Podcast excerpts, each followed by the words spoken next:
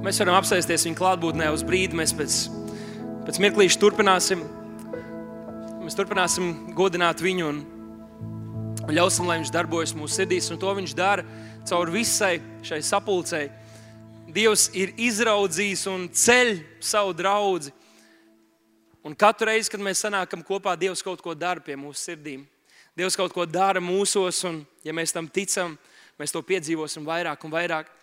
Bet šajā pašā vēstulē kolosiešiem, otrajā nodaļā, astotajā pantā, Pāvils pēc tam turpina, un viņš raksta tādu kā brīdinājumu un pamācību šai draudzē.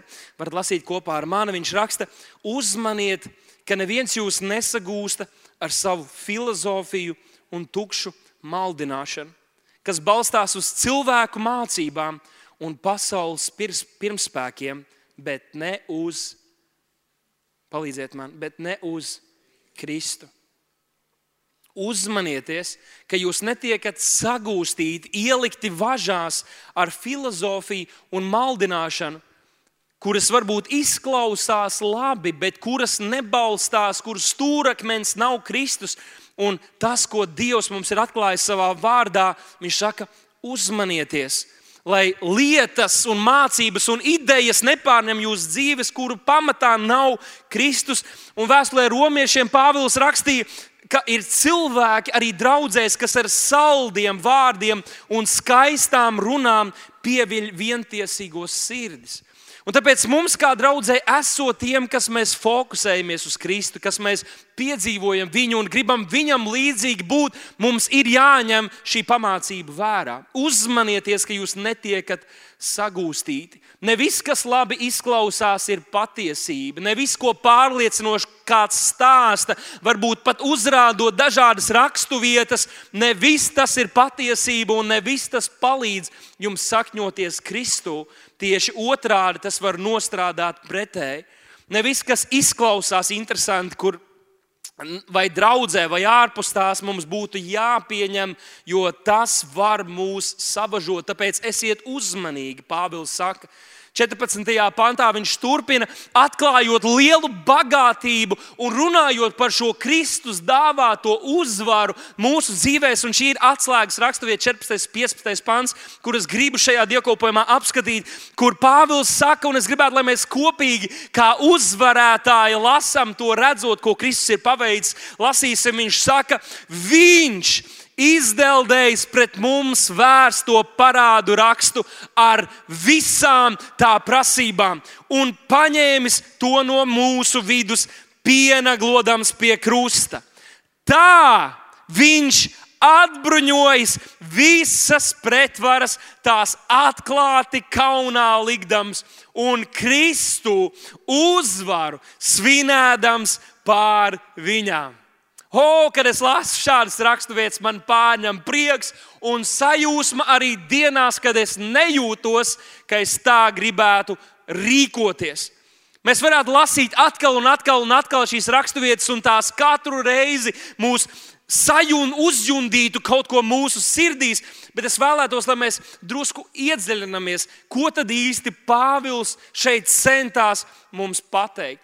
Mēs visi zinām, ka Jēzus Kristus ir Dieva dēls, kurš nāca miesā nomirst par mūsu grēkiem, bet šajā raksturvietā Pāvils atklāja kādu konkrētu šķautni tajā, ko tas īsti nozīmē un kā tas attiecas pret mums. Pirmkārt, 14. pantā, uz ko es gribētu uzlikt uzsvaru, ir, ka Pāvils runā par parādu sarakstu, par parādu saistībām, par parādu rakstu un visādām, visām prasībām. Es nezinu, kādas ir jūsu emocijas, kad jūs dzirdat vārdu parāds, parādu saraksts, bet lielākā daļa no cilvēkiem tas itin nemaz nesajūsmina. Kā jūtas cilvēks, kurš dzīvo zem parāda, zem parāda saraksta, zem parāda nastas? Mūsu sabiedrībā daudz tādu ir. Es nešaubos, ka mūsu draudzē ir daudz tādu, un Dievs jūs svētī un palīdzēs jums tikt galā ar šīm lietām, jūs tam pieiesiet gudri. Mēs, mēs nerunājam par vienkārši aizņemties naudu, bet mēs runājam par garīgām lietām. Kā dzīvo cilvēks, kurš ir zem parāda saraksta. Kad es vēl mācījos vidusskolā, man bija privilēģija vadīt māmiņu dienas pasākumu Nacionālā teātrī. Tas bija skolas ietvaros, un tajā dienā man jau bija uh, tiesības, bet vēl pašam nebija automašīna. Mans brālis aizdeva man savēju, jo viņa bija Honda Civic, tāda melna, izskatījās sportiski, un aizmugurē bija uzlīmīta, uh, uh, kā viņa bija. Ir R, ir R. Un mēs tikai vēlāk uzzinājām, ka tā ir tikai uzlīmīta, ka tas nav ir R. Tas ir parastais Honda Civic. Bet jā, eh, viņš man aizdeva to mašīnu, jo man vajadzēja paspēt tur, un pēc tam bija jābūt atpakaļ eh, šeit, draudzē, uz kādu uh, pasākumu, kur arī man bija jāiesaistās un jāvada. Un es aizbraucu uz šo Nacionālo teātru, es iebraucu viens no pirmajiem stāvvietā, un es gatavojos, uztvēru ļoti atbildīgi to, kas man bija jādara. Un tad, kad pasākums bija beidzies, es steidzos uz manu nākamo kalpošanas vietu, un braucot ārā no stāvvietas, tā nu sanāca, ka vai nu vietas bija pārāk maz, pārāk šauri, bet es uzbraucu tādam metāla. Metāla stienītim, kurš bija zemē, kaut kur aizmugurē, es nebiju to pamanījis. Un sanāca, ka es uzrāvu, tātad gan iebuktēju, iedūrā šis stienītis eh, šajā buferī, gan es to uzrāvu, norāvu nost. Un jūs saprotat, ka tas nav pats patīkamākā lieta, kas varētu notikt cilvēku, jaunu cilvēku dzīvē. Tu esi pārliecināts, jauns cilvēks, 18 gadi, tu brauc ar mašīnu, ne jau ar tevi tas notiks, vai ne? Nu, ko es izkāpu ārā, es domāju, labi, man kaut kā jātiek līdz draudzēji. Es, kaut, es neesmu baigts vistehniskākais džeks, bet kādreiz man kaut kas sanāk, man toreiz sanāca kaut kā piekarināt atpakaļ to, to buferu. Es atbraucu šeit uz draugu, noliku to mašīnu kaut kur tālākajā stūrī, tā lai brālis noteikti nepamanīja līdz pasākuma beigām. Un ziniet, ko visu to ceļu, kamēr es braucu uz draugu, kā jums liekas, ko es darīju? Es lūdzu, es tajā laikā nebiju pieķēries dievam. bet pēkšņi man ir radās liela vēlme pēc dieva palīdzības, pēc ticības. Un es lūdzu, visu ceļu, o, tās pateicos, jā, ka tur tā mašīna, ka tur viss vienkārši sakārtojas, ka viņi pielipinās, ka tur, viss, ka tur nav vairs nekā. Un ziniet, ko es atbraucu šeit, es atbraucu šeit, es izkāpu ārā, un es jau gandrīz biju novadījis sevi tādā stāvoklī, ka es jau biju pārliecināts, ka, tur, ka tur viss ir kārtībā. Un es izkāpu ārā, un ziniet, kas bija? Nekas nebija mainījies. Un, protams, daudz, pir, pirmā doma daudziem ir, kā, kā Walters jutās. Tā bija viņa mašīna, viņa pirmā mašīna. Bet man nebija naudas, es nevarēju salabot. Bet kā jūtas tas cilvēks, kurš ir kādam kaut ko parādā? Na, nu, mēs varētu runāt par daudziem citiem piemēriem. Kā bija pēc tam aiziet un atdot atslēgu Walteram, saprotot, ka tur ir problēma, kuras nevar atrisināt un kuras pats esmu izraisījis. Kā bija nākamajā reizē, kad ģimenes pusdienās mēs atkal sēžam pie galda un es kā, kā domāju, vai izvairīties, vai atkal lūgt atdošanu. Man tiešām žēl, brāl, man tiešām žēl. Un viņš tiešām bija žēlsirdīgs pret mani. Jūs zināt, kā tas ir. Kāds kaut kam kaut ko nodarīs, kaut ko parādā, un tad jūs kā satiekaties draudzē vai kaut kur veikalā, un tu nezini, kur likties, vai skatīties, vai izlikties, kas viņu neredz. Ir grūti, ir smagi, tas parāda saraksts tevi spiež, nospiež. Un tam ir tendence spiesties vien vairāk. Kāds saraksts būtu mums, padomā par savu parādu sarakstu, ja to sastādītu tava sieva, piemēram? Viss tavs pārkāpums, viss tavs grēkus, viss tavs izgāšanās, vēl vairāk tādi, kādi tavi labākie draugi, ar ko esat kopā visu piedzīvojuši. Viņi ir tavi draugi, bet domā, viņi nezina, kāds tu esi. Domā, viņi nepamanā tavas izgāšanās. Zini, ko vēl labāk? Tavi brāļi un māsas kas gandrīz niansēs var aprakstīt, ko tu bērnībā izdarīji, kur tu kļūdījies. Tas viss ir kaut kur sarakstīts viņu sirsniņās. Varbūt. Ne maniem brāļiem, māsām, man brālis māsas neko neatcerās, bet jūsējiem droši vien tā ir. Kāds būtu tas saraksts? Un kā mēs justos, ja mēs to visu laiku vilktu sev līdzi? Mateja Vāģelē 18. nodaļā Jēzus atbildēja mācekļiem par, uz, uz jautājumu, cik reizes mums vajadzētu piedot un vai mums vajag piedot vienam otram. Un Jēzus to salīdzināja ar tādu parādu. Un tad viņš runā par kungu, par ķēniņu, kuram ir kalps, un viens kalps viņam ir parādā ļoti lielu naudas summu, bagātību. Un viņš attaicina šo kalpu pie sevis, un viņš saka, atdod man to, ko tu esi parādā, parāda saistības. Un šis kalps viņam saka, bet man, es, es nevaru, man nav ko tev atdot. Un šis ķēniņš, šis kungs saka, nu tad pārdod viņu, pārdod viņa sievu, viņa bērnus un visu, kas viņam ir, lai parāds tiktu nomaksāts. Ja mēs runājam par tiem laikiem, kuros Jēzus dzīvoja, parāda saistības nebija nekāds joks. Ja tu kādam bija kaut, kaut ko parādā, tu principā es biju viņa vergs. Tu vari pazaudēt savu brīvību, pazaudēt savu ģimeni. Ne tikai tu, bet visa tava ģimene cieta no tā. Un šeit Pāvils runā par tādu parādu sarakstu, kas ir bijis pret mums. Kas ir bijis pret mums. Un domājot par to, kā šis parādu saraksts varētu izskatīties šodien, ko tas īsti runā par mūsu dzīvēm, es redzēju tādas kā trīs grupas. Un pirmo jūs droši vien uzreiz varat iedomāties un saprast, ka pirmais ir mūsu grēks. Cik daudz mēs zinām, ka mēs esam grēci un grēcinieki, esam grēkojuši. Alūja, Kristu Jēzu mēs neesam grēcinieki, bet mēs visi zinām, ka mēs laikam izgāžamies. Un tā kā viens no šiem parādu sarakstiem noteikti varētu būt lielais saraksts ar visiem mūsu grēkiem, visām mūsu izgāšanās lietām, mēs varētu runāt par mēlnesību. Arī kristieši melo, ir melojuši, turpina melot Patīk klausīties, aprunāt citus, kur tu nezini kaut ko par to nemaz. Kādreiz par mācītājiem, par kalpotājiem, par kādiem lēmumiem. Mums patīk pašiem izplatīt kādas baumas, dzirdēt, ko stāst par citiem. Tas ir milzīgs grēks. Vai tas varētu būt viens no lietām, kas ir mūsu parāda sarakstā? Pavisam noteikti. Nu, otrs ir iekāra iekārot. Tas jau vecās darbības baušļos jau bija līdz šim sirds līmenim aizvests, bet ja es to pacēlu nākamajā pakāpē, viņš teica, ja tu skaties uz sievu, to iekārot, tas laulību pārkāpis. Kā ir ar iekāru, vai tā ir bijusi problēma, vai tā vēl aizvien ir problēma? Kā es paskatījos uz kādu brāli, kas atbrauc draugs, rekāda mašīna, rekāds krāks, domā, nu, kur, kur gan viņš nezina. Ko gan viņš tā dara? Kur viņš tik daudz naudas? Es arī tādu gribētu. Hop, visu to es grēkoju, svētu Dievu priekšā. Parādu saraksts, netiklība. Nešķīs doma. Šajā pasaulē tā ir cīņa, ko piedzīvo visi cilvēki, un arī kristieši. Ja nesargā savas acis, savas ausis, savas dvēseles, var nonākt šajās pašās problēmās. Tas noteikti ir viens, un varētu vēl un vēl un vēl minēt lietas, bet tas ir viens liels paragrāfs no šiem parādu sarakstiem, kas mums ir un kas strādā pret mums, kas strādāja pret mums. Otrais, ko, ko es redzu, ir šie vecās derības likumi. Ir vecās derības likumi, un kāds teiks, tie nekad nav attiekušies mums, kāds teiks, uh, tie vēl aizvien attiecas mums, bet nu, kaut vai apgaizīšana. Agrīnijā draudzē Pāvilam tā bija viena no problēmām, kas bija jārisina, jo bija dievbijīgi cilvēki, bija jūdi, bet arī kristieši, kas nāca no jūdu šīs cilts, un viņi teica, nē, nu, viņiem arī tagad ir jāapgraizās. Iedomājieties, ja agrīnajā draudzē tu pieņem jēzu, tu pievienojies draudzē, un tur ir kāds, kas saka, nu tad tagad tev ir jāapgraiza.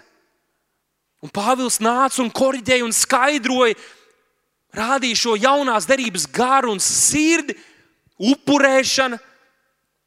Droši vien esat lasījuši vecajā darbā par lietām, kas bija jādara un kā. Un, nu, vai tas mums ir jādara, vai mēs esam brīvi no tā, vai mēs esam zem tā, vai neesam zem tā. Tālāk mēs varam skatīties uz šo trešo grupu, kur uh, Bībele sauktu par cilvēku priekšrakstiem. Cilvēku priekšrakstiem vai kādā citā vietā Pāvils to sauc par dēmonu mācībām, par maldu, gariem un dēmonu mācībām. Un tā mēs pēc mirkļa arī pieskarsimies, bet skatīsimies par šīm pirmajām trim grēku sarakstiem. Mēs zinām, ka 103. psalmā Dievs runā par to, kas mūs sagaida, to laiku, kurā mēs dzīvojam, Viņš saka, ka ka Dievs tik tālu, cik rīt ir no vakariem, noliks prom, atliek mūsu pārkāpumus un grēkus. Un kā tēvs apžēlojas par saviem bērniem, tā debes tēvs apžēlojas par tiem, kas viņu bīstas, kas uz viņu cerē, kas uz viņu kas viņu piesauc. Iesaistās grāmatas 43. nodaļā Dievs saka, es tas esmu, kas izdzēsīšu tavus noziegumus manis paša dēļ un nepieminu tavus grēkus. Wow! Parādu saraksts, un Kristus kaut ko ar to ir izdarījis. Runājot par vecās darbības likumiem, mēs redzam, ka Galtiešu vēstules 3. nodaļā, 24. pantā Pāvils saka, ka tātad bauslība līdz Kristum ir bijusi mūsu audzinātāja, lai mēs ticībā kļūtu taisnoti. Bet, kad ticība ir nākusi, tad audzinātājai vairs nav varas pār mums. Wow! Ko Jēzus izdarīja mūsu labā? Audzinātāji kur iepriekš, zem kuras iepriekš dzīvoja tie, kas bija dievbijīgi un ticīgi cilvēki, kas pievedusi mūsu kristumu, tai vairs nav varas pār mums. Vai tas nozīmē, ka mēs varam zakt? Nē, pasties, jauno derību, jaunā derība sakrīt ar Dieva morāles likumu, kurš nav atcelts. Bet vai tā ir problēma, lai mēs varētu pieiet pie Kristus, vai mēs varētu saņemt viņa žēlastību, vai mums ir jāievēro visas Dieva prasības un visi Dieva likumi? Bībeli saka, ka nē. Bībele saka, ka mēs pieejam pie viņa žēlstības troņa bez bailēm. Jo mūsu taisnība nenāk no mums pašiem, no mūsu darbiem, no mūsu centieniem izpildīt kādas pavēles un prasības un likumus, bet tieši otrādi no Kristus. Viņš mūs dara taisnus, un viņu mīlot, mēs gribam viņam paklausīt jaunās derības garā. Vai vecā derība, vai vecās derības likumiem ir vara pār mums šeit? Bībeli saka, ka Dievs kaut ko izdarīja Kristu Jēzu. Un šī trešā grupa - cilvēku priekšraksti. Cilvēku priekšraksti. Mēs redzam jau, jeb dēmonu mācības, un to mēs redzam jau pašā Bībeles sākumā. Ēdienas dārzā Dievs rada cilvēku, un tad saka viņam, tu vari baudīt no visiem, visiem šiem zemes augļiem. Bet tikai no šī viena koka, labu un ļaunu atzīšanas koka, tev nebūs ēst. Dievs teica, tev nebūs ēst. Bet tad, kad atnāca ienaidnieks, kad atnāca vēlns, viņš atšķaidīja Dieva vārdu. Viņš zināja un dzirdēja to, ko Dievs bija teicis, un atklāja skaidri Ādamam. Bet, kad atnāk ienaidnieks pie ievas, viņš saka viņai, paklausieties, ko viņš teica. Vai tiešām Dievs teica, tev nebūs aiztikt un ēst? Dievs nekad nebija teicis, ka viņa, ka viņa nedrīkst aiztikt. Viņa var aiztikt, cik viņa gribēja. Un iespējams tas, ka Ieva noticēja, un Ādams bija pasīvs, un viņa pieskārās tam auglim sākotnēji, pirms viņa iekoda tajā un nekas nenotika. Viņus prāts sanāca, ka Dievs ir melojis, jo viņi noticēja meliem par to, ko Dievs bija teicis. Dievs bija teicis, tev nebūs ēst. Un Melns atnāk un sagroz to. Jā, jā, jā tur ir to, ko Dievs teica, bet paņem arī šito. Noņem mazliet šito nost. Un tas notiek arī šodien, un tas notika arī agrīnās draudzes laikā. Marka Evanģēlijas 7. nodaļā, 13. pantā Jēzus teica, ka cilvēki iznīcina Dieva vārdu ar saviem likumiem, paši tos ieceļot. Kad nav pietiekami ar to, kā stāv rakstīts, kad tu gribi, lai skan labāk, lai ir citādāk, padarīt Dievu par tevis radītu Dievu, nevis dzīvot kā Dieva radīta būtne un persona Un Pāvils jaunajiem tit, kalpotājiem Titam rakstīja, lai viņš stipri tādus atspēko, ka šīs lietas māca, kas novērš cilvēkus no patiesības. Nu, kas bija tādas lietas agrīnajā draudzē, viena no lietām, ar ko Pāvilam arī nācās vairāk kārt runāt un skaidrot, bija tā, ka kādi teica, ja tu gribi dievam kalpot, tad tev ir aizliegts doties laulībā. Un Pāvils rakstos to skaidro. Viņš saka, ka tie ir meli. Neviens tādas lietas neapgalvo. Un tas ir, ziniet, kas ir interesanti. Pāvils pats nebija, tad Pāvils pats bija bez sievas, un viņš aicināja arī citus pilnvērtīgi nodoties tam kungam. Un tie, kas ir neprecēti, lai paliek kā neprecēti. Bet šeit viņš novilka skaidru līniju, un mums ir jāņem šis vērā. Ka viens ir, kad personīgi viņš teica, tas ir man, mans viedoklis, es arī gribētu, lai jūs darat tā kā es. Bet bija kādi, acīm redzot, tajā laikā, kas teica, ja tu patiešām gribi dievam kalpot, tad saskaņā ar dievu vārtu nedrīkst būt laulībā. Un Pāvils saka, klau, tas ir par tālu, tās ir demonu mācības. Tas ir cilvēku priekšstats, tas atņem spēku dievu vārdam, viņš iestājās pret to. Vai ziniet, arī šodien, draudzē, arī mazajās grupās, varbūt kristiešu starpā, tas varbūt internetā, ko mēs klausāmies, arī ir šādas cilvēku priekšraksti un maldu mācības. Mēs nevaram par tiem visiem izrunāt svētdienās, bet kā mēs varam atšķirt, kas ir patiesība un kas ir meli, kas ir maldi, ja mēs pieķeramies un vērtējam, un godājam, mīlam Dievu vārdu. Ja mēs mīlam Dievu vārdu un to, kas tajā ir rakstīts, tad mēs spēsim atšķirt. Ne vienkārši klausīties visu, ko mums sabaro, bet Dievs, es godāju tavu vārdu. Palīdz man saprast, kas ir patiesība un pie tā turēties. Ir cilvēki, kas mūsdienās ir ļaunprātīgi pret kristiešiem un draugiem, kas mētiecīgi noliek kalpotājs, noliek draugus, aprunā visu, katru draugu, kur ir lielāka par desmit cilvēkiem, kur ir kaut kāda organizētība. Tāds ļaunums, tāds ienaids. Un ir cilvēki, kas dzer, kas dzer, kas bauda no šiem ļauno garu mācībām, no šiem demoniskajām mācībām. Ir daudz mūsdienās, kas saka, ka paklausība dievam, ka paklausība dievam ir pēc sajūtām. Galvenais ir, ka viņš tevi mīl un tu mīli viņu. Un aizmirst to, ka jaunā darbība ir pilna ar skaidrām pamācībām, lietām, kuras pamudina mūs cīnīties pret grēku, izskaust lietas, darīt lietas, kuras Bībelē mums ir teikusi. Jā, protams, ne jau lai nopelnītu Dieva mīlestību, bet tāpēc, ka Dieva mīlestība darbojas mūsos, mēs gribam viņam izpatikt un viņam klausīt. Un paklausība kristietim nav sajūtu jautājums. Paklausība kristietim nav sajūta jautājums, jo tad, kad tu pieņem Jēzu par savu kungu, tas vārds kungs kaut ko nozīmē. Amen. Tas vārds kungs kaut ko nozīmē. Nu, vienam, kam man arī jāpieskarās, ir, ir cilvēki, kas māca, ka, ja gadījumā tu esi pieņēmis vakcināciju, un es netaisos tagad diskutēt vai teikt kaut kādus savus viedokļus par vai pret vai tā tālāk, bet kad cilvēki un arī kristieši, dievu mīloši un godājuši kristieši, ir vakcinējušies, ka viņi ir pieņēmuši zvēru zīmi. Pasakiet man, ka tā nav dēmona mācība. Ir kristieši, kas dzīvo bailēs, kas pārskata visu savu sirdi, kas ir pilnībā apjukuši, kas bija dievu mīloši un kalpojuši un sabiedrību aizsniedzoši cilvēki, kuri dzirdot šādus maldu lietas, kas balstās uz ziņām, kas balstās, balstās uz internetā atrodamiem kaut kādiem saitiņiem un informāciju, nevis uz dzīvo dieva vārdu. Viņiem tiek iebaroti meli un viņi tiek sasaistīti, savažoti.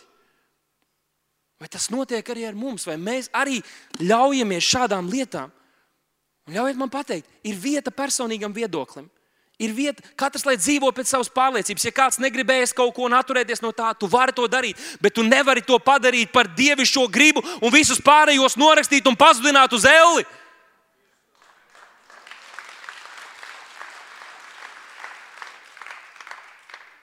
Bībeli saka, ka šīs lietas šis parādu saraksts bija pret mums. Bija pret mums. Ko Kristus izdarīja ar šīm lietām? Man patīk šis vārds izdeldēts. Saki, izdeldēts. Parādu saraksts ar visām tā prasībām ir izdeldēts. Izdeldēts, izdeldēts nozīmē izsvītrots, izdzēsts, izsmērēts, noslaucīts. Tas ir kā pie tevis atnāk kāds dokuments, kur būtu sarakstīts daudzas lietas, kas tev ir jāizdara, piemēram, bet tur būtu uzlīs virsū lietus, un kāds tur būtu kārtīgi pasmēries pa svaigu tinti, un tu redzi, ka tur kaut kas ir rakstīts, bet tu nevari neko salasīt. Tas ir izsmērās, tas ir izzēsts. Šie parādi saraksti ir izzēsti, visām prasībām tie ir izzēsti. Nav nekas, kas mūs šķir no Kristus. Un ko tas nozīmē? Mūsu grēku saraksts Tu vari šodien paskatīties uz savējo mēlnesību. Tev ir paticis, paticis runāt melus, tev ir paticis dzirdēt melus. Halleluja! Jēzus paņēma un viņš to vienkārši izdzēsa. Viņš to noslaucīja. Tu esi iekārojis, tas ir bijis tavs dzīvesveids, tu esi ienīcis tāpēc cilvēks. Tas tev daudz ko tavā dzīvē ir bojājis. Jēzus vienkārši to paņēma un nomazgāja. Viņš saka, tā nav problēma. Kāpēc tu nevarētu atnākt pie sava debesu tēva un saņemt žēlastību un palīdzību īstā laikā? Jo es Esmu tev visu sagādājis. Mēs skatāmies uz netiklību, paskaties uz savu grēku, ieliec tur savu grēku. Jēzus to ir izdeldējis, Jēzus to ir izdzēsis, Jēzus to ir paņēmis malā kā ar vecās darbības likumiem. Ir kāda, varbūt, kas tev saka, tev jābūt bez maz vai kā jūdam, tev jā, jātur viņa svētku un tradīcijas, tev jādara lietas. Varbūt ir apgaizīšana. Jēzus saka, nē, nē, nē, nē, nē, tas nav risinājums. Tas bija tikai ēna, tas tikai liecināja par to, kam jānāk. Mēs garā esam apgaizīti Kristu Jēzu. Vairs miesīgas lietas nav noteicošais. Kāda upurēšana? Jēzus ir upuris, kurš vienreiz par visiem laikiem ir par mūsu grēkiem upurēts. Vairs nekādas upurēšanas. Oh, bet viņš saka, bet jūs paši paši gan esiet upuri. Nolieciet sevi paši kā dzīvu svētdievam patīkamu upuri. Halleluja! Kā ar nešķīstām lietām? Nešķīst dzīvnieki, nešķīst cilvēki apkārt. Kas būs, ja mēs saskarsimies ar šo pasauli? Kas būs, ja mēs būsim mūsu darba vietā un tur kaut kas notiks? Vai mēs pasim padarīt nešķīst, un atnāk Jēzus, un mēs esam nešķīst, un mēs nevaram iet Dieva valstībā, un Dieva dusmas nāk pār mums? Halleluja! Pāvils saka, nē, nešķīstajiem viss ir nešķīsts. Bet mēs neesam nešķīsti. Viņš mūs ir šķīstījis, viņš mūs ir darījis svētus. Tāpēc, kad Jēzus kalpoja, viņš nebaidījās pieiet pie slimajiem un uzlīt savas rokas. Jo, lai gan vecajā derībā viņam vajadzēja palikt nešķīstam, šī otrs cilvēks kļuva svēts un pilnīgs un taisnīgs. Lūk, ko Jēzus dara mūsu dzīvēm. Halleluja! Vai viss tas ir nešķīsts? Klau! Jā, ir grēcīgas lietas, ir nešķīstas lietas. Mēs negribam neko kopīgi ar to. Bet, ja tev sanāk saskara ar tām, hei, Vai tas mums kaut kā traucē, vai tas mūs apstādina, vai tas mums traucē nākt pie mūsu debes tēva? Woo! Nē, tas ir salauzts. Tas ir izdzēsts, tas ir izdaldēts. Nu, kā šiem cilvēku priekšrakstiem? Kā šīm demoniskām mācībām? Tās savažot cilvēkus. Ir kristieši, ir daudz kristiešu, kas ir savažoti. Un mums katram ir kaut kāds važs, kur mums ir jābūt Dievam priekšā. Tēvs palīdz man atklāt, kas ir tās lietas, kuras nepareizi domāju, nepareizi ticu, ticu meliem. Un, ja es ticu meliem, tad tie meli kļūst par patiesību manā dzīvē. Tie laupa spēku dzīvajam Dieva vārdam. Kā ar šīm aizliegums doties laulībā? Pāvils karoja, viņš cīnījās, viņš teica, nē, nē, nē tas nepieder mums. Tas nav kaut kas, ko Dievs ir noteicis. Ja tu gribi, tu vari nedoties laulībā, ja tu gribi, tu vari doties laulībā. Galvenais kalpot tam kungam kā ar paklausību pēc sajūtām. Ka mēs dzirdam šīs muļķīgās mācības. Vai tas var mūs savažot? Nē, Jēzus tās izdeldē. Jēzus patiesību mūs dara brīvus, amen. Patiesība mūs dara brīvus, mēs atzīsim patiesību. Patiesība mūs darīs brīvus. Mēs pieķeramies Kristum. Vakcīna, kas zvēr zīme Jēzus vārdā. Jēzus vārdā. Ja mūs skatās kāds, ja tu esi šajā zālē un tu tici šīm lietām, tad Es tev pasludinu, Jēzus ir izdeldējis šo demonisko mācību, maldu, garu spēku tavā dzīvē. Un tu vari būt brīvs kalpot tam kungam. Vakcinēts, nevakcinēts, kas iet pie ārstiem vai neiet pie ārstiem. Brīvība Jēzu Kristu. Un ziniet, ko Bībele vēl saka? Ka viņš, šos, viņš to sarakstu, viņš šo sarakstu pienagloja pie krusta, bet tur rakstīts, paņēmis no mūsu vidus. Bet angļu valodas tulkojums to teikt mazliet citādāk. Viņš to paņēmis nost, un man patīk, kā tas skan. Viņš to ir paņēmis nost. Un ziniet, ko tas nozīmē? Šis saraksts ne tikai ir izdaldēts. Šis saraksts ne tikai ir izdaldēts, kas mums liedza pieiet pie Kristus un atzīt viņu un baudīt viņu. Šis saraksts ne tikai ir izdaldēts, viņš ir pienaglots pie krusta un viņš ir paņemts nost. Viņš ir paņemts nost. Viņš Kristo izdeldēja un paņēma nost. Lūk, mēs pieejam pie altāra. Halleluja! Halleluja! Halleluja! Halleluja! Nekas, ko mēs esam darījuši vai neesam darījuši, mums nevar traucēt, kad mēs atzīstam Kristu. Nekas, ko ienaidnieks ir lietojis mūsu dzīvē, nevar traucēt, kad mēs atzīstam Kristu un viņa pabeigto darbu. Halleluja! Halleluja! Jēzus to paņēma. Nekāda cilvēku meli un maldi nevar traucēt mums atzīt patiesību, jo Kristus to, tam ir atņēmis spēku mūsu dzīvēm. Viņš to ir pieneglojis pie krusta un paņēmis malā. 15. pantā viņš turpina. Šādā veidā viņš ir atbruņojis visas pretvaras, tās atklāt kaunā likdams un Kristu uzvaru svinēdams pār viņām. Es domāju, ko nozīmē šis atbruņojums, ko tas īsti kā tas izskatās mūsu dzīvē. Un es iedomājos atkal par šo čūskas tēlu. Un jūs zināt, ka Latvijā čūskas nav diezgan bīstams, bet tālāk kaut kur pasaulē ir čūskas, kuras ir ļoti indīgas.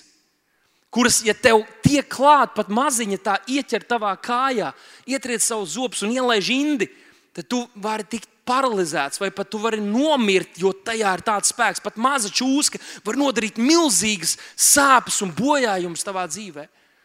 Bet kas notiek ar čūsku, kurai ir izņemti zobi un indas dzerokļi? Viņa vēl aizvien izskatās tāpat. Viņa vēl aizvien izskatās biedējoša. Bet, ja pat viņa tevi iekož, viņai nav indas ir kaut kas, kas ir atņemts viņai no viņas superspējām, kā viņa var cīnīties un kaitēt citiem. Kaut kas ir laupīts, izlaupīts, noņemts nost. Un man šķiet, ka Bībele šeit mums cenšas parādīt, ka lūk, tāda ir mūsu pozīcija un tāda ir Kristus uzvara pār mūsu ienaidnieku vēlnu. Efeziešu vēstulē Pāvils saka, arī jūs kādreiz dzīvojāt kā dieva nepaklausības bērni, padota šīs pasaules valniekam zem šiem spēkiem. Viņš tālāk turpina par to, ka tas bija tad, kad jūs dzīvojāt pēc miesas, un tad jūsu grēki bija veids, kā vēlams varēja jūs kontrolēt un vadīt. Bet tie laiki ir mainījušies. Pasakām savam blakus sēdošiem, tie laiki ir mainījušies. Viņam vairs nav varas pār mums, viņam vairs nav varas pār tevi. Ja agrākos laikos viņš bija brāļu apsūdzētājs, viņš vēl aizvien var apsūdzēt, bet mums ir labāks aizstāvētājs Jēzus Kristus. Amen!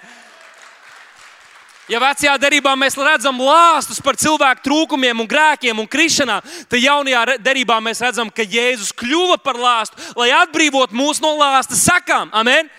Visi, kas mēs bīstamies to kungu, vēlns ir pilnībā atbruņots un atmaskots. Atbruņots nozīmē, ka Kristus ir iegūmis šo laupījumu, ir izlaupījis, ir pilnīgi atkailinājis ienaidnieku. Viņam vairs nav nekādu ieroču. Viņš ir pilnībā izģērbts pilnībā izģērbts un atbruņots Jāņa evanģēlī 14. nodaļā, 30. pantā. Jēzus vēl pirms savas krusta nāves viņš teica, es vairs daudz nerunāšu par jums, jo nāk šīs pasaules valdnieks, runājot par vēlnu. Viņš saka, par mani viņš gan nieka nespēja. Halleluja! Kāpēc nespēja? Jo Jēzus ir svēts. Jēzus ir svēts, dzīvā Dieva dēls. Vēlnam nav nekādas piekļuves viņam. Viņš tika kārdināts, bet viņš negrēkoja. Halleluja! Un Jēzus teica, viņam nav nekādas varas pār mums. Un ziniet, ko, zin, kur tu tagad esi? Tu esi draudzē priekvēs. Halleluja! Bet tu esi Kristu Jēzu. Tu esi Kristu Jēzu. Šobrīd tu sēdi Kristu Jēzu. Un ļauj man te pateikt, vēlnam nav nekādas varas pār tevi. Ja tu viņam pats neiedod šo varu, ja tu neielūgs viņu savā dzīvē, atklāti grēkojot un darot citas lietas, ko Bībele mums saka un māca, Halleluja! Viņam nav varas, viņam nav pieejas, viņam nav veidi, kā viņš var ietekmēt tavu dzīvi. Halleluja! Kā viena vajāšanas un vajāšanas pagodina Dievu. 16. nodaļā, Jāņa Evanģēlijā, 11. pantā, Jēzus teica, ka šīs pasaules valnieks ir dabūjis savu spriedumu. Halleluja! Man ļoti patīk tas. Viņš jau ir dabūjis savu spriedumu, viņš jau ir atbruņots, viņš jau ir kaunā likts, un mēs gaidām to dienu, kad viņš tiks mūža, uz mūžiem pazudināts. Lūkas evanģēlī 11. nodaļā, 21. pantā. Jēzus runāja, runāja par šo stiprinieku, un man šķiet, ka savā ziņā šie viņa vārdi ļoti labi ilustrē to, ko Jēzus izdarīja. Paklausieties, kad stiprais apbruņojies, sargā savu pili, mēs varam to attiecināt uz šo demonisko pasauli un vēlnu. Viņa īpašums paliek mierā, apbruņojies. Bet kad kāds par viņu stiprāks nāk un to uzvar, Tad tas paņem viņa bruņas, uz kurām tas paļāvās, un izdala viņam atņemto laupījumu. Halleluja! Halleluja! Jēzus! Kāds stiprāks atnāca. Cilvēks bija pakļauts, cilvēks bija sakauts, bet atnāca kāds stiprāks.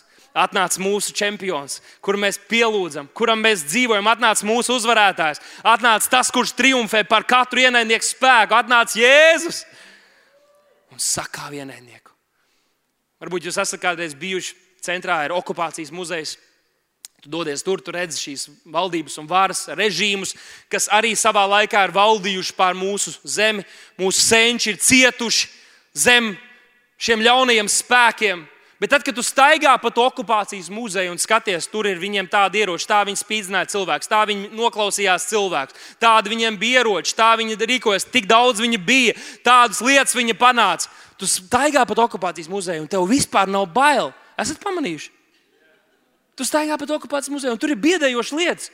Iedomājieties, ja tie, tie māla veidotie tēli būtu dzīvi, viņiem būtu acis ļaunum, ļaunum pilns, mēs būtu izbijušies.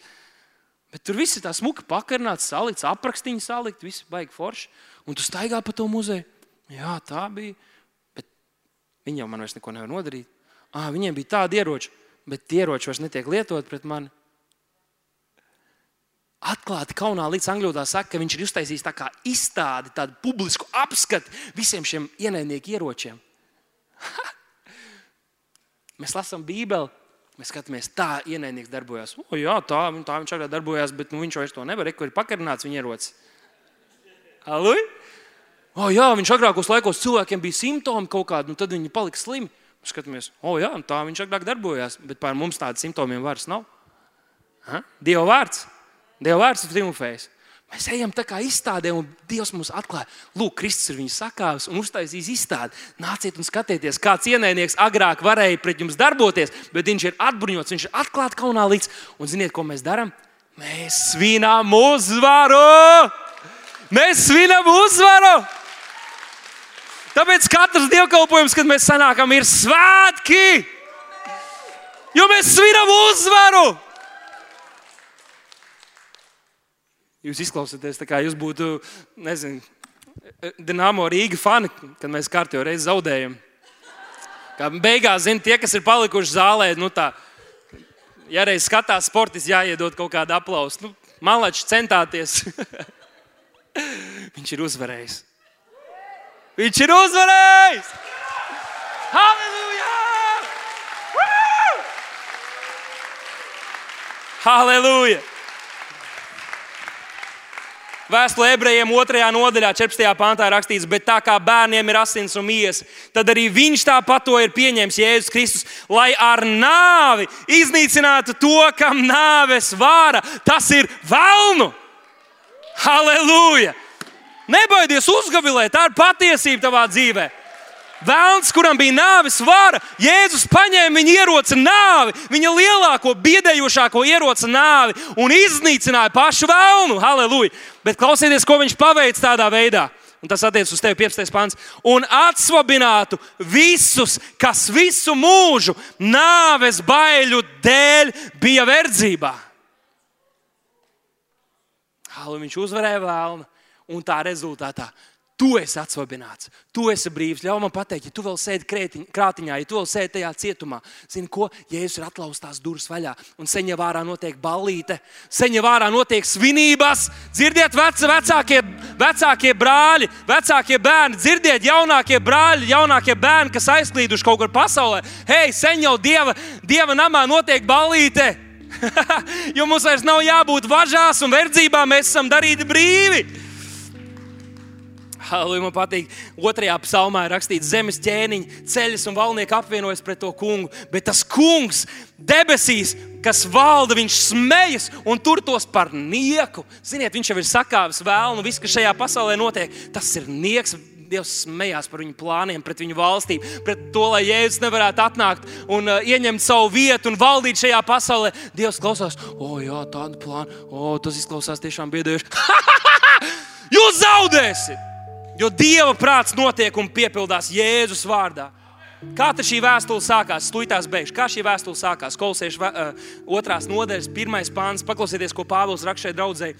Viņš saka, jo es gribu, lai jūs zinātu, cik kārsties cīnos par jums tiem, kas dzīvo Laudikajā, kā arī par visiem citiem, kas man mīsīgo vaigu nav redzējuši. Paskatieties, kas tā par cīņu. Viņš atrodas tālu, viņš cīnās par tiem, kurus viņš pat nav redzējis, kuri viņu nav redzējuši. Viņi nekad nav satikušies, viņi nav YouTube skatījušies viņu video, viņi nav sekojuši viņam Instagram. Pāvils saka, es cīnos, manī notiek cīņa. Kādā citā vietā viņš teica, es pilnīgi cieši kādas zemdības sāpes, un kādā citā vietā viņš saka, ka uh, viņš, viņš pielīdzina tās sāpes, kādas viņš izjūt par draugu, par jaunatgrieztajiem. Viņš pielīdzina to to fiziskām sāpēm, ciešanām. Šeit Pāvils saka, es tā lūdzu, un es ticu par šiem cilvēkiem. Es lūdzu, es lūdzu, es lūdzu tās ir sāpes. Un, zini, jau man te pateikt, varbūt kā mācītāji, varbūt kā kalpotāji, tavs mazās grupas vadītājs, tas kalpotājs, kalpošanas vadītājs, nezina tieši kā sauc tavu brāli, kā sauc tavu draugu, par kuru tu tici. Bet, ziniet, mēs ciešam šīs sāpes, un mēs stāvam lūkšanā, un svētais gars zina, un svētais gars vada mūsu aizlūgšanās, un mums sāp, un mēs lūdzam, un mēs iestājamies. Pat ja mēs nezinām viņus, viņi nezina mūsu, bet Dievs mūs savieno un lieto draugus, lai mēs nestu cits cita nāstas, lai mēs iestātos par to, kas ir svarīgi kam jānotiek. Draudz, mē, mums kā draudzēs sāp, mēs lūdzam par atmodu, par līdzcilvēku glābšanu. Ziniet, politiskas lietas, viss tas, tas viss ir ok.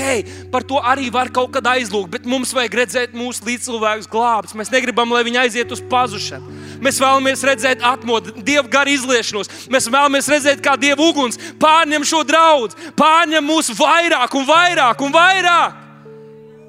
Lūk, kāpēc mums sāp. Mēs esam priecīgi, bet mums sāp. Mēs esam priecīgi, mums sāp, jo mēs gribam redzēt šos dievu darbus, un Pāvils par šīm lietām runā.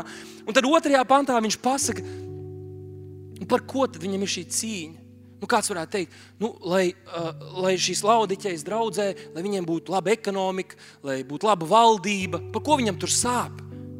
Otrajā pantā, saka, jauno tulkojumu lasu, viņš saka, ka viņam sāp, viņš šīs cīņas viņam notiek, lai viņu sirdis tiktu iepriecināts vai mierinātas, vienotas mīlestībā, kas nozīmē savienots mīlestībā, un visā atziņas bagātībā, ka tie izprastu Dieva noslēpumu Kristu. Huh! Par ko viņam sāpēja sirds, par ko vajadzētu patiesam Dieva bērnam un kalpotājam sāpēt sirdī, par ko mums vajadzētu lūgt. Oh, izprastu Kristu, vairāk Kristu, vairāk atzīt viņu. Nevis kaut kādas gudrības, šīs pasaules lietas, kā šajā pasaulē. Tas viss arī ir ok. Hei, Kristu, viņa mīlestība, viņa bagātība, to, kas viņš ir, bagātība šo noslēpumu, bagātību par to, kas Kristus ir. Pāvils saka, man ir cīņas. Es negribu, lai viņi kļūtu paliek vienkārši par tādiem, kas apmeklē draugus. Man ir cīņas. Es negribu, lai viņi ir tādi, kas vienkārši zina, ka Jēzus ir kungs. Es gribu, lai viņi iepazīst šo sadraudzību, šo klātbūtni ar pašu Dievu, Kristu, lai viņi atzīst Kristu, lai viņi kļūst stipri un nobrieduši ticībā. Jāņem vērā 17. nodaļā Jēzus mums atklāja, ka mūžīgā dzīvība, kuru mēs vēlamies, uz kuru mēs tiecamies, ir nevis tas, ka mēs kaut kad mūžīgi dzīvosim, bet tas, ka viņi atzīst tevi, Tēvs. Vienīgo patieso Dievu un to, ko tu esi sūtījis Jēzu Kristu. Wow, mūžīgā dzīvība ir atzīta. Pāvils saka, es ilgojos, es lūdzu, lai viņi atzīst Kristu, lai viņi iemanto šo bagātību, šo pilnību, kas ir Dieva. Wow! Otrajā korintiešu vēstulē, otrajā nodaļā, Pāvils runā kaut ko līdzīgu, kā viņš rakstīja kolosiešiem. Viņš saka, paldies Dievam, izlasīsim to skaļi. Paldies Dievam, kas mūs visur vada Kristus uzvaras gājienā un caur mums izplata viņa atziņas labo smaržu visās malās. Saka, visās malās. Halleluja! Dievs vada mūsu Kristus uzvaras gājienā. Tas nav Dāvida uzvaras gājiens. Nē, man arī ir kaut kāds uzvaras dzīvē, bet tas ir Kristus uzvaras gājiens, un man ir tā privilēģija un tā bauda ņemt dalību tajā.